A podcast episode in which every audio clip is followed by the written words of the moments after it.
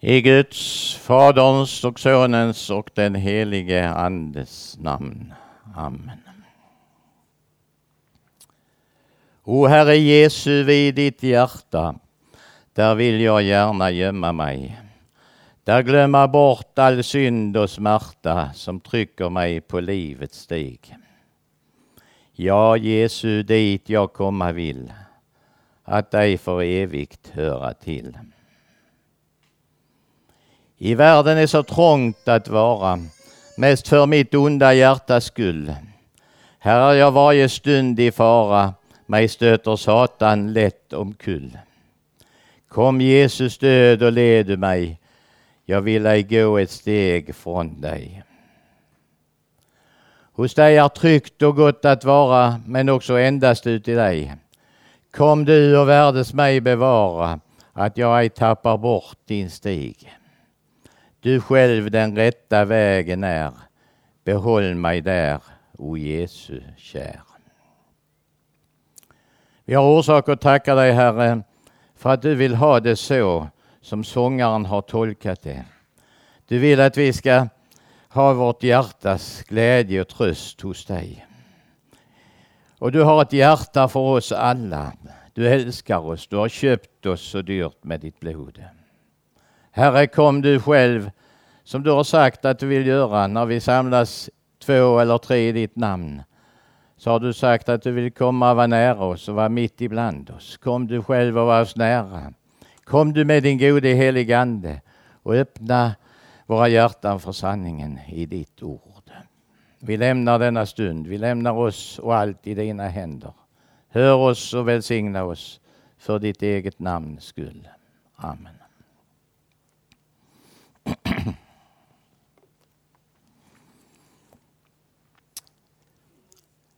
Ja, det är ju eh, sjätte söndagen efter trefaldighet idag. Jag tänkte inte riktigt hålla mig till veckans tema utan mer till, till eh, ämnet för idag, efterföljelse. Det var ju också så att Ingmar Rödberg hade nog tänkt att ha bibelstudier här och på Bergspredikan. Han har ju faktiskt skrivit en hel del som vi skulle ge ut rätt så nu. Vi får se hur det går. Men jag ska inte på något vis försöka att komma upp till hans nivå i uttydning av skriften. Men eh, jag ska säga några ord om texten som vi har för idag. Det är evangeliet. Det är Matteus femte kapitel. Och jag ska läsa där verserna 20 till 26 i Jesu namn. För jag säger er, om, er, om inte er rättfärdighet går långt över det skriftlärda och fariseernas kommer ni aldrig in i himmelriket. Ni har hört att det är sagt till fäderna, du ska inte mörda. Och den som mördar är skyldig inför domstolen. Jag säger er, den som blir vred på sin broder är skyldig inför domstolen. Och den som säger idiot till sin broder är skyldig inför rådet. Och den som säger dåre är skyldig och döms till det brinnande Gehenna. Därför, om du bär fram din gåva till altaret, där kommer ihåg att din broder har något emot dig så lämna din gåva framför altaret, gå först och försona dig med din broder. Kom sedan och bär fram din gåva. Skynda dig att göra upp med din motpart medan du är med honom på vägen.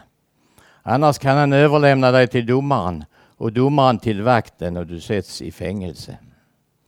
Jag säger dig sanningen, du kommer inte ut därifrån förrän du betalt till sista öret.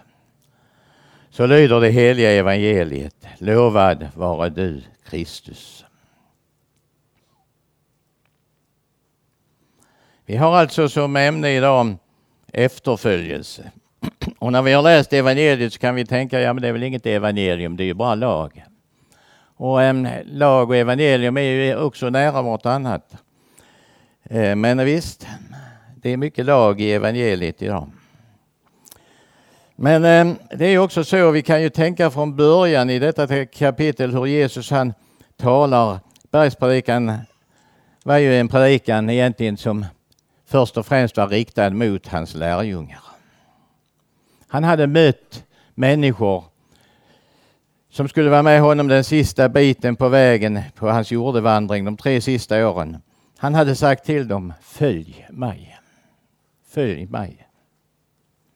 Och de stod upp och följde Jesus. Han har sagt det till oss här denna vecka mer än en gång. Följ mig. Har vi stått upp och lämnat allt det där som förhindrar oss för att se på Jesus? Har vi verkligen börjat att följa Jesus? När Jesus börjar tala där i eh, Matteus femte kapitel på början på bergspredikan så står det att Jesus han såg folkskarorna. Men han satte sig inte för att tala till hela folkskaran. Utan han gick ifrån folkskaran, gick upp på berget och satte sig ner. Och hans lärjungar kom fram till honom och så började han tala och undervisa dem. Nästan alla ni här vet att han talar om människor som är lyckliga. De är saliga.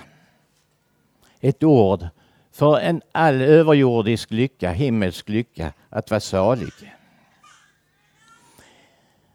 Det ord som flödar från saliggörarens läppar. För så är det. Det är saliggöraren själv som talar. Han säger att det finns människor som är saliga. Han säger att det är saliga. Han säger inte direkt som det här ämnet har varit att de ska vara trygga i en otrygg värld. Ibland blir det nästan tvärtom. När han till exempel säger saliga är de som blir förföljda för rättfärdighetens skull. Det står så i eh, tionde versen. För dem tillhör himmelriket. Och så står det saliga är ni när människor hånar och förföljer er och ljuger och säger allt möjligt om, ont om er för min skull. Det känns inte så tryggt precis. Så säger han där, gläd er och jubla, för er lön är stor i himlen. För på samma sätt förföljde man profeterna före er. Jesus tar inte fram lagen som en hotelse eller som en, ett skrämskott. Han är egentligen ingen laglärare. Det är de som framhåller att rättfärdigheten kommer av lagen. Nej, han säger där i början på kapitlet, saliga är de som är fattiga i anden. Saliga är de som sörjer för de ska bli tröstade. Saliga är de ödmjuka för de ska ärva jorden. Saliga är de som hungrar och törstar efter rättfärdighet, de ska bli mättade. Saliga är de barmhärtiga, de ska få barmhärtighet. Saliga är de renhjärtade, de ska se Gud. Saliga är de som skapar frid, de ska kallas Guds barn. Kanske någon satt här och tänkte, hur har det det som är fattiga i anden? Ja, vi kan nog säga att det är det som känner sin egen skröplighet. De har inte så mycket berömmelse i sig själv, utan de behöver hålla till hos Jesus för att få hjälp och tröst i livet och inför döden. Eh, det är inte så länge sedan eh, vi läste i Rosén i Dagbladet, jag tror det är den, den 5 juli, där ett, har vi ett eh, ord ifrån Paulus. Där står det så här, för om du med din mun bekänner att Jesus är Herren och i ditt hjärta tror att Gud har uppväckt honom från de döda ska du bli frälst. Med hjärtat tror man och blir rättfärdig, med munnen bekänner man och blir frälst. Att i sitt hjärta tro och med munnen bekänna Jesus. Ja, jag vet att det är många som vill göra det här. Och det är också saligt. Det är också att vara ledd av Guds ande, att ha ett hjärta som behöver Jesus. Vännen som eh, har köpt oss, som är den som har lidit och dött för våra synders skull, som kan hjälpa i all nöd och framförallt i syndanöd. Han har dött för våra synders skull. Han har uppstått för att vi skulle rättfärdiggjorda leva tillsammans med honom. Nu säger Jesus också här i bergspredikan före vår text. Jag ska läsa de verserna också. Först säger han, ni är världens salt. Han har inte sagt till lärjungarna att de är saliga därför att de är i det här tillståndet, men han säger sen efter saligprisningarna, ni är världens salt.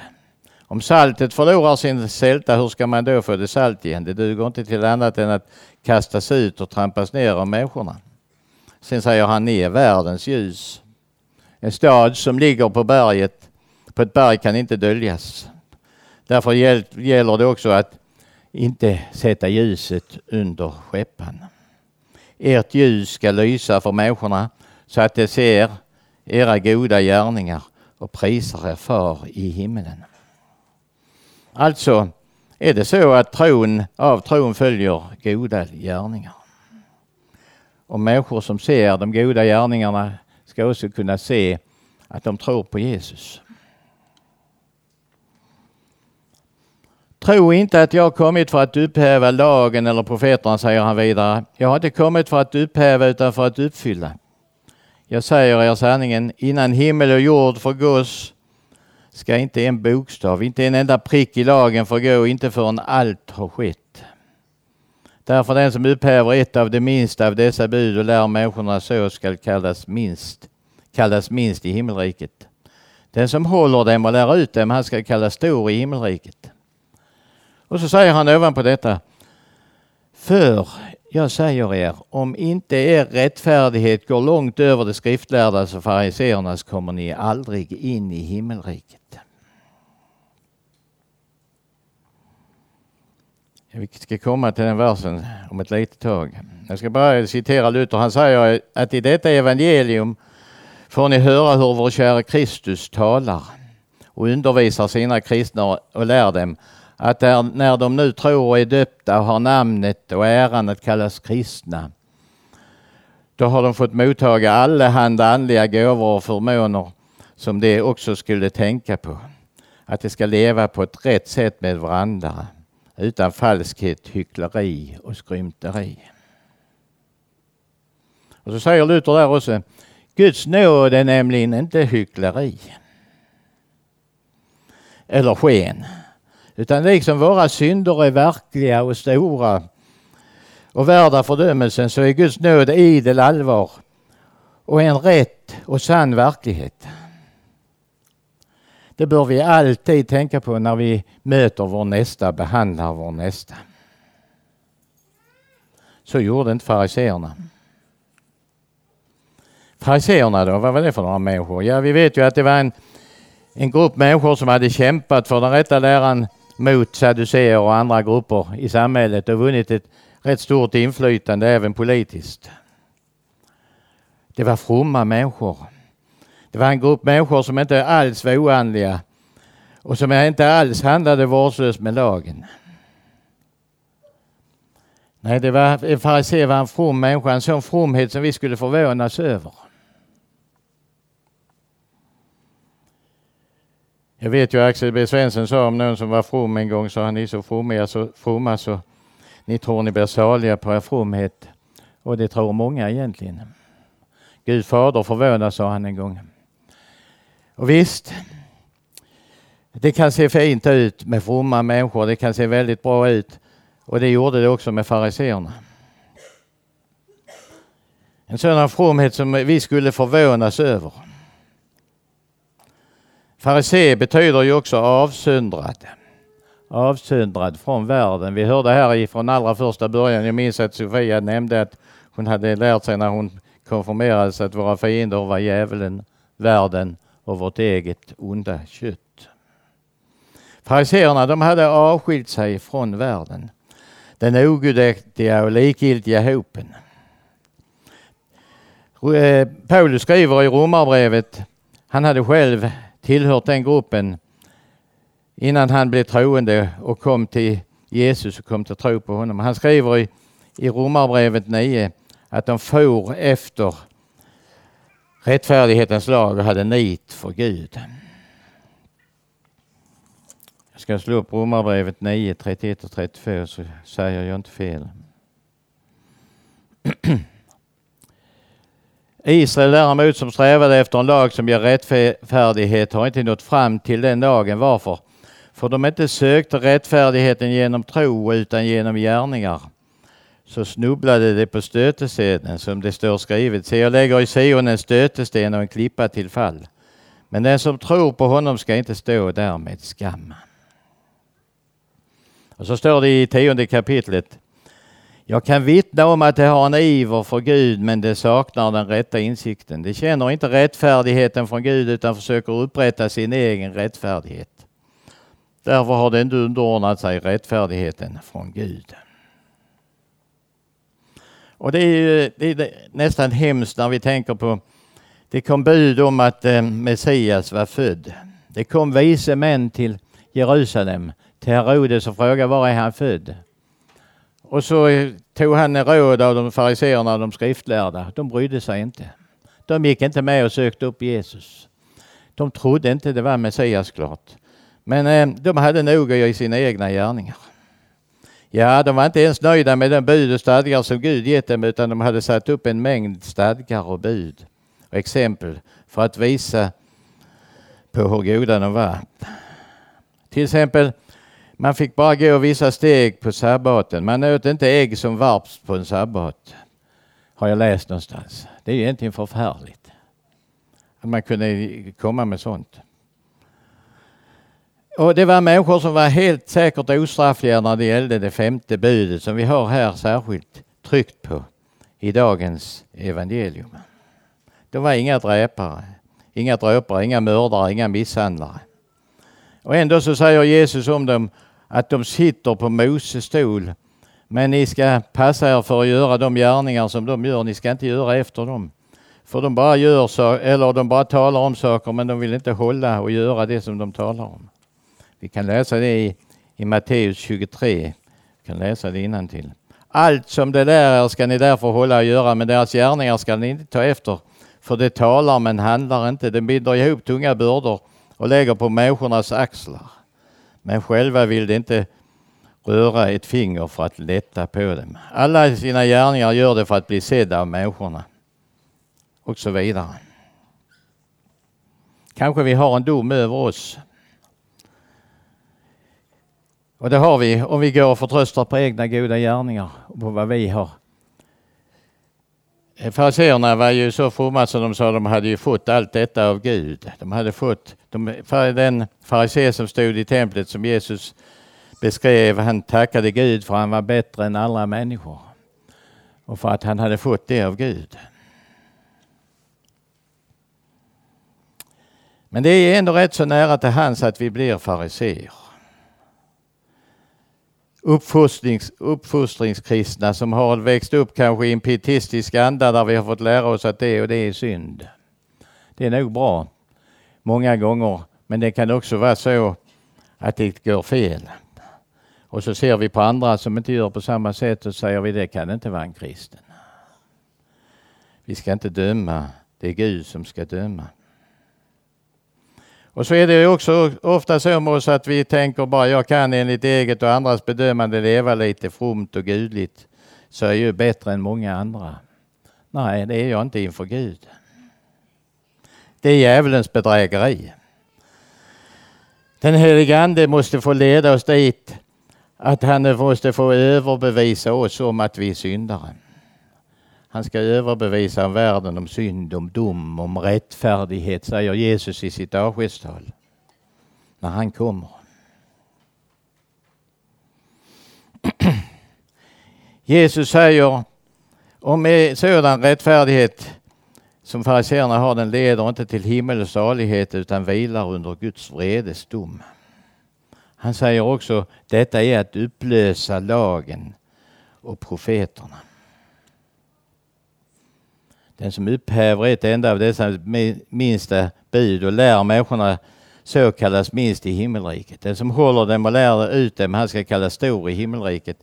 Det, där är vägen rätt så smal. Det var ju det fariséerna gjorde. Och så säger han, för jag säger er om inte er rättfärdighet går långt över det skriftlärdas och fariséernas kommer ni aldrig in i himmelriket.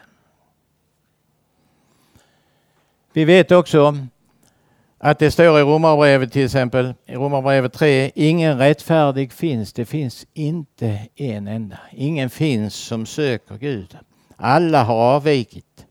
Alla har förblivit avfällingar. Så kan vi ju då säga, vad ska vi ha lagen till?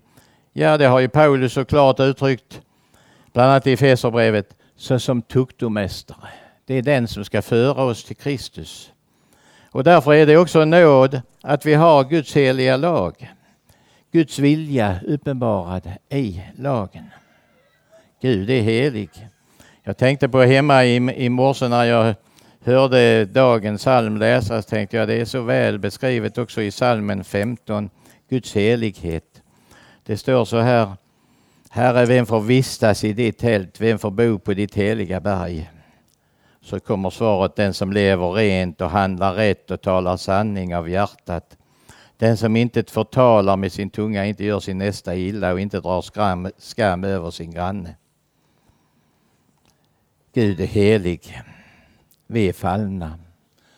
Vi har fått synden till och med i arv. Det står i katekesen, den i hjärtat skrivna lagen har blivit fördunklad genom synden. Därför måste Guds lag uppenbaras. Och den talar inte om nåd. Men om Guds ande får leda så kan den föra oss till Kristus, till nåden. Ni har hört att det är sagt till fäderna, stod det här, du ska inte mörda. Det är Guds femte bud. Du ska inte dräpa, du ska inte mörda. Den som mördar är skyldig inför domstolen. Ja, här tänker vi helt snabbt, jag har aldrig mördat någon. Jag är ju i alla fall inte skyldig inför det femte budet. Men vad säger Jesus? Jag säger er, den som blir vred på sin broder är skyldig inför domstolen. Ja, det är bara någon dag sedan jag körde på E4, två lastbilar körde i bred. Jag var så irriterad jag skulle kunna nästan slå på den som körde och hindra mig. Jag hade brott på vägen. Det, det, är så lätt. Det är så lätt att säga att vi inte gör något ont med våra hjärtan, men hjärtat är så fördärvat. Den som blir vred på sin broder är skyldig inför domstolen. Den som säger idiot till sin broder är skyldig inför rådet och den som säger dåre är skyldig och döms till det brinnande Gehenna. Det, det är inga milda ord. Att dömas inför en domstol och inför till och med bli dömd till helvetet.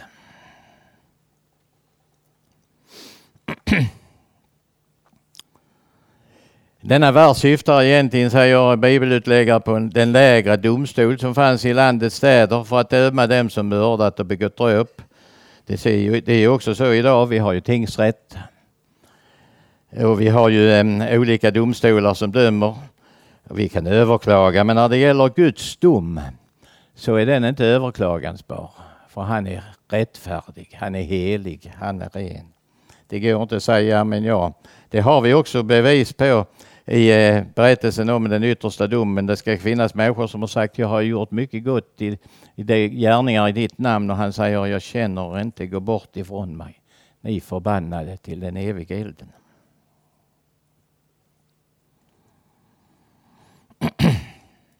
Det räcker inte inför Gud att hålla Guds lag. Du är skyldig, du döms om du tror att du ska klara det. Här blir fariseerna, de skriftlärdas fromhet och berömmelse helt värdelös, helt oduglig. Alla människors berömmelse är oduglig, varenda en. Ingen finns här som kan säga jag har gjort det, därför kan jag bestå inför Gud. Här visar Jesus vad lagen kräver. Han behövde inte ta mer än ett bud här och vi måste alla erkänna att jag är skyldig. Här kommer mer eh, förklaringar. Därför om du bär fram din gåva till altaret, där kommer ihåg att din broder har något emot dig, så lämna din gåva framför altaret och gå först och försona dig med din broder. Kom sedan och bär fram din gåva.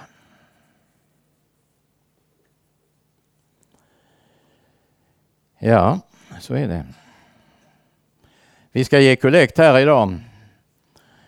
Tänk om det är så att du har någonting som du inte har försonat med din broder. Du sitter och lägger kollekt och tänker jag är rätt from, jag lägger så mycket i kollekten.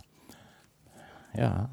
Jag har hört berättas av min kusin Olle att min morfar han sa en gång till en människa som kom med en gåva till missionen sa han Du har inte varit snäll vid din fru, gå först och ge det till henne, sen kan du ge till kollekten. Det ska rätt mycket till, jag skulle inte kunna säga det. Men det ligger ju mycket i det.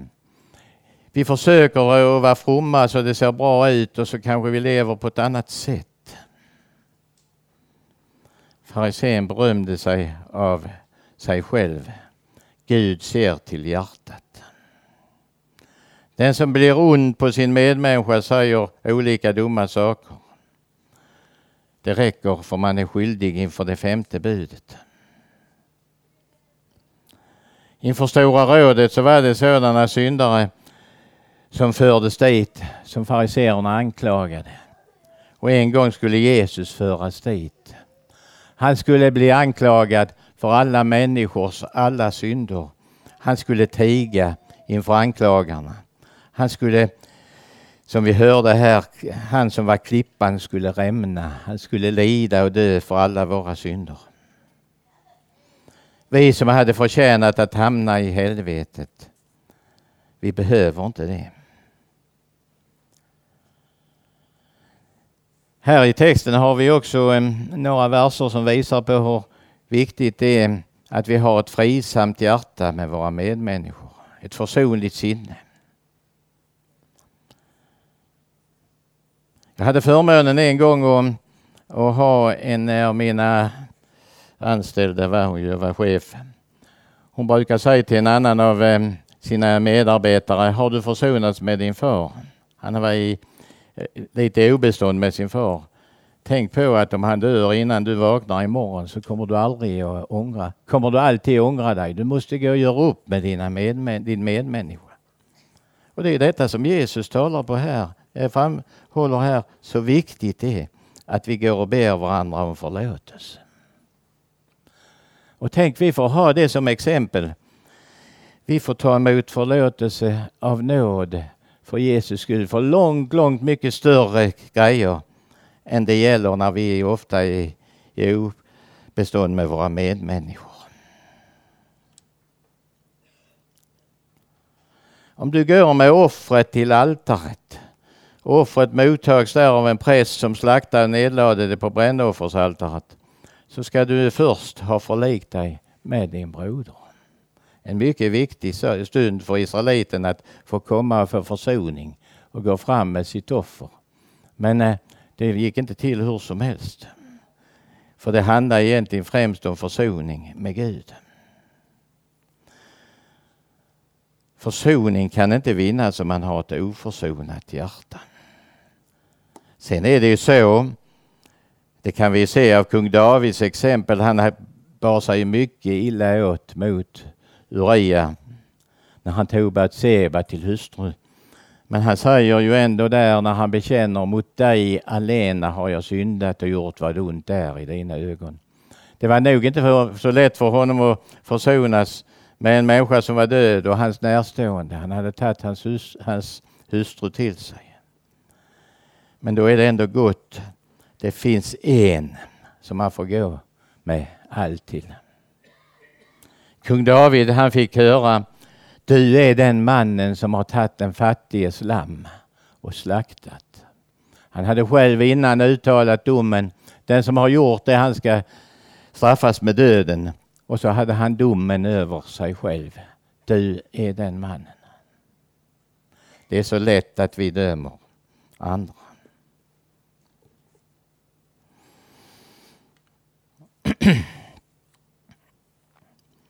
Vi kan också, eh, Luther säger att det är också så att när vi går till Herrens heliga nattvard så ska vi också ha ett försonat hjärta. Då går vi och får nåd och förlåtelse hos Gud. Det är stort ansvar som vilar på den som ska gå för att få del av Herren Jesus i nattvarden. Var ansvaret stort för gamla förbundet, säger han, för Israel att försonlighet fanns när man skulle frambära sitt offer till altaret så är det ännu större nu, säger Luther. Att gå fram till altaret med ett oförsonligt sinne. Att ta del av det sakrament där vi själv får förlåtelse. Vi påminns ju också detta i Herrens bön i eh, nästa kapitel. Det står ju där i Matteus 6 i vers 14. För om ni förlåter människorna deras överträdelser skall er himmelske far också förlåta er. Men om ni inte förlåter människorna skall inte heller er far förlåta era överträdelser. Och tänk så skönt det är egentligen att gå och få förlåtelse, få redat upp saker och ting. Jag hade en granne som eh, sista åren var med oss i, i vår grupp och blev kristen. Men långt innan han blev kristen så berättade hans familj att hade någon bråkat i familjen så när de satt och åt på kvällen sa han nu ska vi göra upp det för ingen ska gå och lägga sig och vara sur på den andra. Vilket gott exempel. Nu måste vi reda upp allt. Så vill Gud också ha det. Vår far i himlen han vill ha det.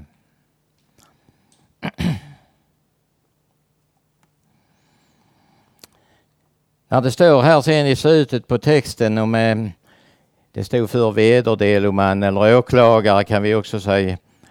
Han hade rätt att i nödfall med våld dra den anklagade inför domaren. Den, blev, den anklagade blev då fälld och förkunnad skyldig. Och då måste domen strängt tillämpas. Och det står här, du kommer inte ut ur fängelset förrän du har betalat det sista öret. Och det kan vi tolka på olika sätt. Nu är det ju så att vi har en domare som har dött i vårt ställe. Och då är Gud försonad och så är han nöjd. Och så får vi vara fria och gå ut ur fängelset. Och det är det han vill. Och det är det som också ger trygghet i livet på olika sätt. Vi behöver inte gå kvar i det förhållandet att det bära på synder och skulder, både till människor och framförallt inför Gud. Utan vi får komma fram och bekänna jag har syndat mot himlen inför dig.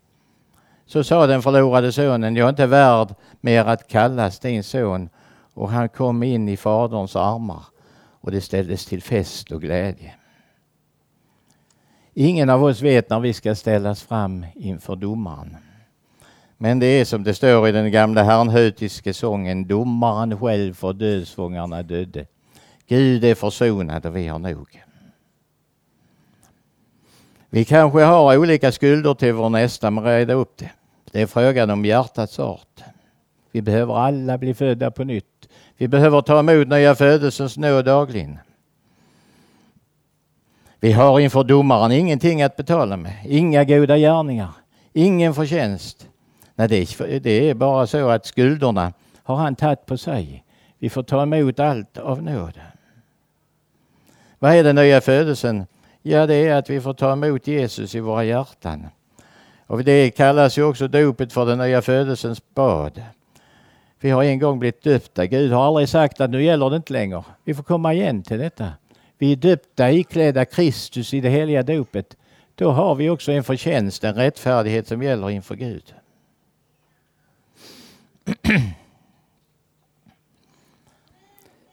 Det är så att han fullgjorde han fullgjorde vad vi borde och blev vår rättfärdighet. Han avvände vårt elände för vår tid och evighet. Han förvärvde att vi ärvde ljus och frid och salighet. Och så har han kallat oss att vara efterföljare i kärlekens tjänst.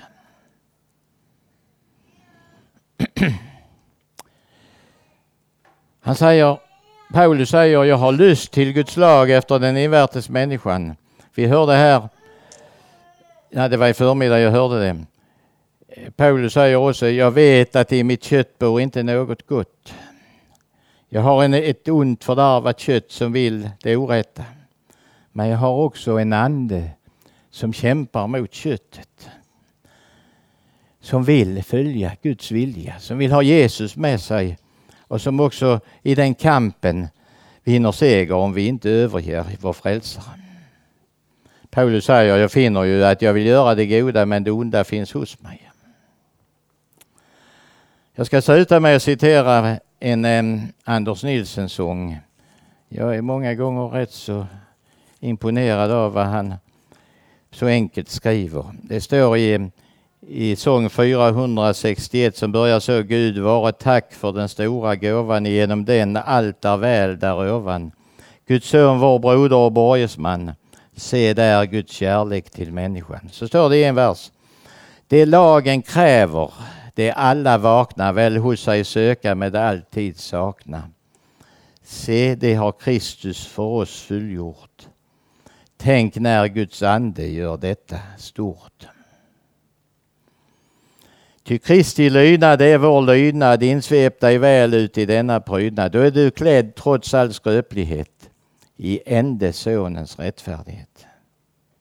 Tänk så väl att vara klädd i Guds rättfärdighet, i Kristi rättfärdighet. Att ha den vita skruden som aldrig får någon fläck. För den är fläckfri. Den vita skruden som vi ska vara klädda i när vi ska stå fram inför Gud på domens dag. Om vi inte har lämnat honom. Ett är nödvändigt och detta enar endast sonen och han alena. Den som har sonen har livet, ja. Så säger skriften, halleluja. Det står också där i den sången, då Kristi hand skall du aldrig ryckas. Du kan bli sållad, det kan misslyckas, på vandringen härdar bara ut. Ty denna väg får ett saligt slut. Snart kommer för dig den sista dagen, då du av frälsaren blir upptagen från synd och fruktan, från nöd och strid, till Herrens vila och sabbatsfrid. Ja, det blir mycket lag i den här predikan. Och eh, jag tror att Gud vill att vi ska också ta till oss lagen så att den dömer oss. Må han få göra det. Men må han också få säga oss att vi är fridöm, fridömda. Att han har dött i vårt ställe. Att varenda synd som kommer fram får vi lämna för Jesus har dött för den. Då är det ju ändå inte så farligt. Visst kan vi ibland gråta över våra misslyckanden och vi kan beklaga varför bar jag mig så illa åt. Och så får vi komma igen till Jesus. Förlåt mig kära frälsare för din egen skull. Må han välsigna sitt ord på våra hjärtan för sitt namns skull. Amen. Tack Jesus för att du blev människa. Tack för att du är den klippa som brast för mig. Tack för att du är vägen, sanningen och livet. Tack för att du kallar oss. Du kallar oss att följa dig. Du vill att vi ska leva som dina barn och följa dig i allt. Så vet du Herre, du vet precis hur det går. Hur illa det går många gånger. Därför behöver vi be förlåt oss alla synder. Rena oss i ditt blod. Ta du hand om oss och hjälp oss genom denna världs alla faror hem till himmelen. Var du också med oss och välsigna oss här i fortsättningen för ditt eget namns skull. Amen.